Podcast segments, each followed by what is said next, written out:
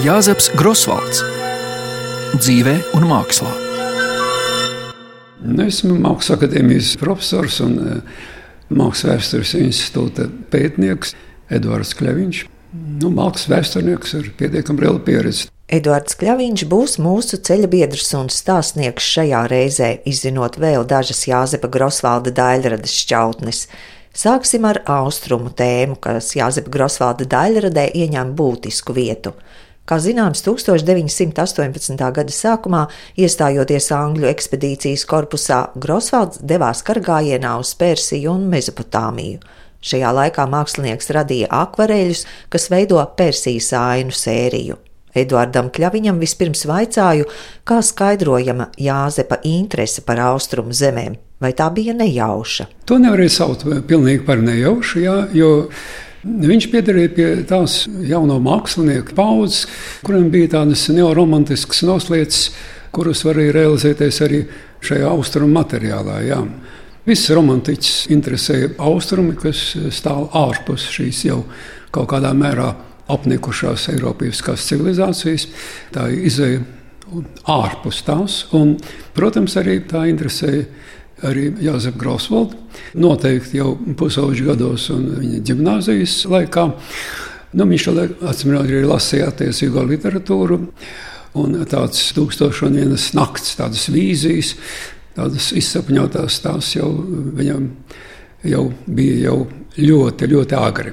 Nu, tad tālāk, jau, tad, kad viņš darbojās jau kā jaunais mākslinieks un kā šo jauno koncepciju meklētājs Parīzē, tad eh, viņam bija iespējas arī aizceļot uz eh, Spāniju 1913. gadā. Un Spānijā, sevišķi Spānijas dienvidos, ir jau šis saskara ar seno islāma kultūru, jā, ļoti bagātīgi. Viņu tas ļoti saistīja. Viņš par to arī rakstīja savās dienas grāmatās. Viņš jūsmoja par šo pasauli nu, tādā tieši estētiskā skatījumā. Un dabiski, ka arī iespēja Tad 1918. Eh, gadā pieteikties šajā angļu ekspedīcijas korpusā, kas ceļoja uz tā saucamo Persiju, ja, bija viņam pieņemama. Viņš, protams, saprata, ka būs grūti un tas ir tomēr karš, bet eh, nu, vienlaikus viņš cerēja, ka viņš atradīs arī tur tās tūkstotis un viena naktis ainas un cilvēkus un pasaulē. Ja.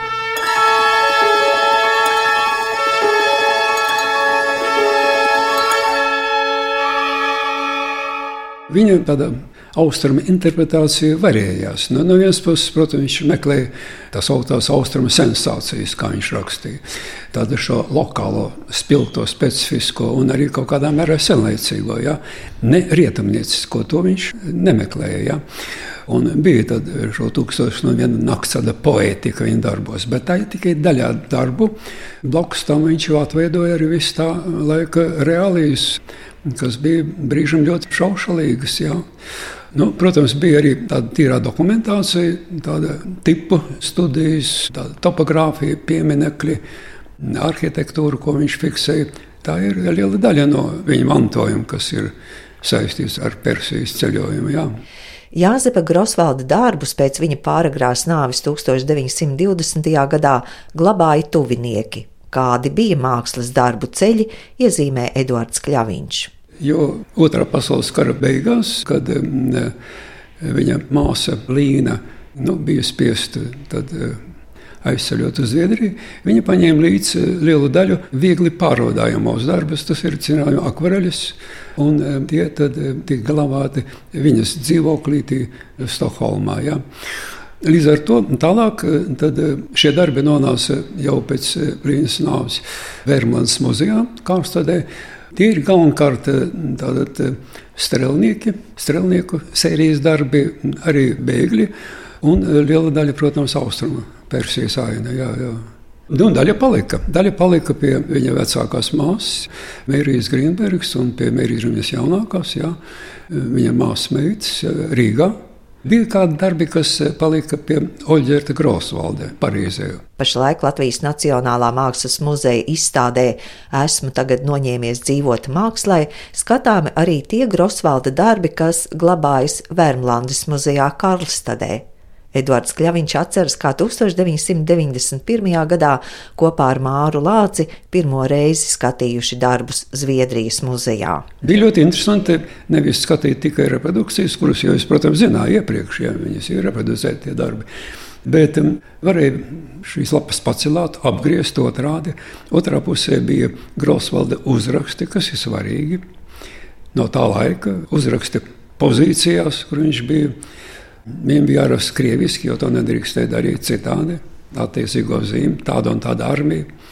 Viņš deva lapu nosaukumus, oriģinālu nosaukumus saviem darbiem. Kā, protams, es aprakstīju arī pašas tās lapas. Spriežot pēc viņa ierakstiem dienas grāmatā, viņš daļu no saviem darbiem bija atstājis Bagdādē un eh, noglabājis, acīm redzot, domās, kā sūtījums tālāk uz Londonu. Es nezinu tieši, kā tas nonāca, bet nu, pārējos viņš pats redzot atveda. Viņš bija uzkrājis tos. Kad viņa dienas jau gāja uz beigām, tad viņam tas krājums bija. Viņš vienkārši to veda sev līdzi uz Londonu. 1919. gada pavasarī. Jā.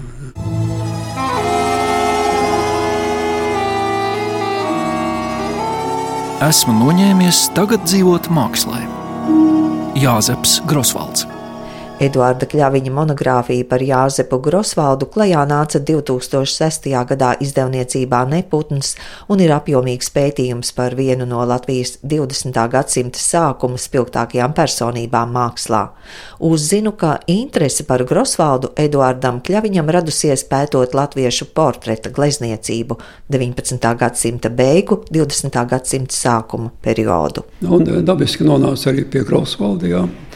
Es meklēju attiecīgos materiālus, nu, protams, muzejā, bet eh, man ieteica arī griezties pie Grosvalda mantiniekiem. Jā, eh, es eh, iepazinos ar Grosvalda māsas dēla, matemātiķa Emanuela Grīnberga sievu, Emīliju Gaziņu, kas bija galvenā glabātāja visu viņa dienas grāmatu, daudzo darbu Rīgā. Un, Nu, tad es gāju pie viņas. Viņa bija ļoti laipna un man ļāva studēt šos darbus. Nu, daļa informācijas iegāja portreta vēsturē, ja? bet nu, tālāk mana kolēģe, mākslas zinātniece Laima Slava, mani aicināja šo tēmu izvērst. Ja? Kaut kādā mērā organizēja arī šo braucienu uz Zviedriju. Nu, un tad tālāk es tā iejūdzos. Jā. Man jau bija daudz kas savāks, vajadzēja to visu turpināt. Un, un tad tālāk bija tāds parasts, normāls mākslas vēsturnieka darbs. Nu, es nolēmu, ka nesekošu Viperu monogrāfiju, kur viņš tā vispārinoši sintēzējuši visu raksturu, bet mēģināšu piedāvāt tādu informatīvu, izsmeļošu monogrāfiju, kādas nu, jaunākos laikos mākslinieks vēsturnieki arī piedāvāja lasītājiem. Kā jūs raksturot, ja jums tas impulss sākotnēji bija tas portrets? Jā. Kāds viņš ir kā portretists? Mm, kā portretists viņš ir dažāds. Jā. Es negribētu apgalvot, ka portrets ir tieši viņa specialitāte, īstā specialitāte. Viņš bija tāds modernistiski orientēts, un portrets varēja būt nu, viens no viņa žanriem, bet nu, ne galvenais. Asvīšu portreti ir viņa tajā kopējā mantojumā ir būtiski, citi ir mazāk. Viņš varēja veidot tādas pa pusē sacerētas, idealizētas tēlus, bet arī viņam bija tāda veida portreti, kuros viņš mēģināja atveidot šo reālo cilvēku raksturu. Bet nu, viņam galvenais uzdevums bija tieši mākslinieckā puse, forma veida. Tas ir tas, par ko viņš pastāvīgi domāja. Un jāsaka, pārējie kaut kādi ļoti specifiskie tradicionālie portreta mākslas uzdevumi, tie nu, netiksim, bija pakārtoti, bija kaut kādā mērā saistīti ar šo pastāvīgo interesi par to, kā tad vajadzētu uzgleznot. Nevis ko, bet kā. Viņam bija karikatūras spējas. Viņš momentā uztvēra raksturu, viņam neskaitām zīmējumu, un to viņš spēja. Bet no nu, portretā ir šāds raksturojums, ir jāveido, protams, kā lai saka, izsmalcinātākiem. Pie nozīmīgākajiem Grosvalda darbiem Edvards Kļaviņš min kara un kara laika bēgļu ciklu, latviešu nācijai svarīgu, un ar to viņš paliek latviešu mākslas vēsturē.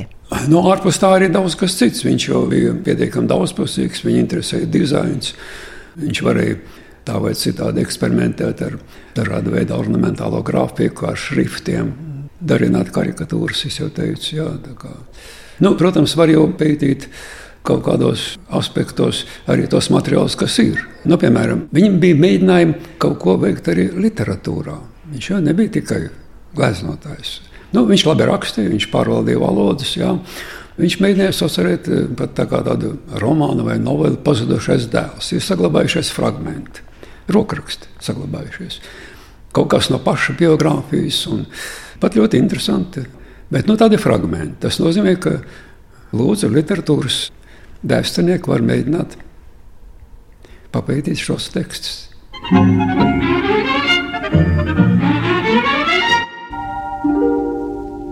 Agdievs viņš rakstīja dažādas humoristiskas pantiņas, gan latviešu, gan vācu valodā. Jā, jā. Viņš jau bija poliglots, principā. Jā, jā. Viņam arī mūzika tādā aizraušanās. Jā, jā viņš bija melomāns īstenībā. Viņa apmācīja spēlēt klavierus un harmoniju.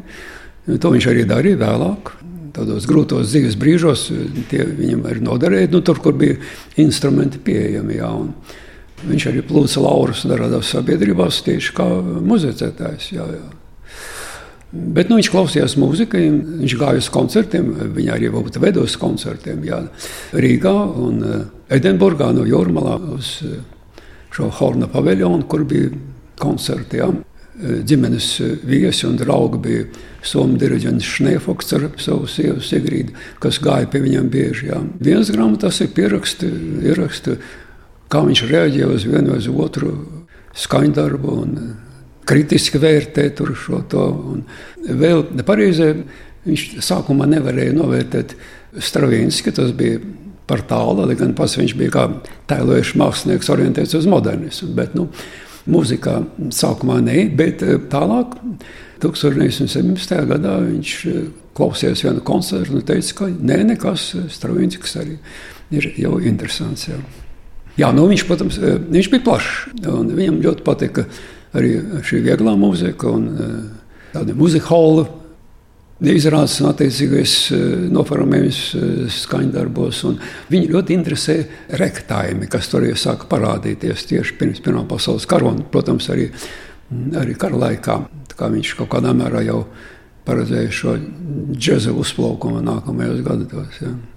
Tik pamatīgi iedziļinoties un pētot kādu personību, rodas sajūta, ka esam tuvu pazīstami. Tā tas bija arī mākslas vēsturniekam Eduardam Kļaviņam. Tik tiešām, tad, kad es eh, to grāmatu pabeidzu un tādu grāmatas ceļu atvēršanu, tad es jau arī to teicu, ka dažkārt bija tāda sajūta, sevišķi, kad es atrados šajā grausodu namā, Tūlīt atvērsies durvis un e, šis džoja nāks. Jā, jā. Tajā otrajā stāvā bija beļetāža, tur bija viņa astoņu istabu dzīvoklis. Tas piederēja Grosvaldiem, Grosvalda ģimenei. Es esmu tur apmeklējis tikai vienu reizi, kad e, Mērija Grīnberga jaunākā mani aicināja apskatīt kādas Grosvalda darbus. Tas sakarā tad, kad es sāku par šo portretu interesēties, tad es tur biju tajā dzīvoklī. Bet nu, tas dzīvoklis jau bija stipri pārkārtots, un tur jau bija arī citi mītnieki.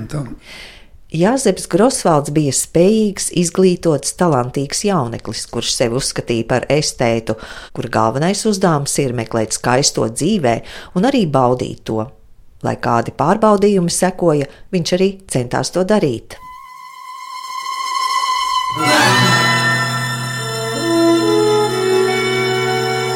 Jāzeps Grosvalds dzīvē un mākslā.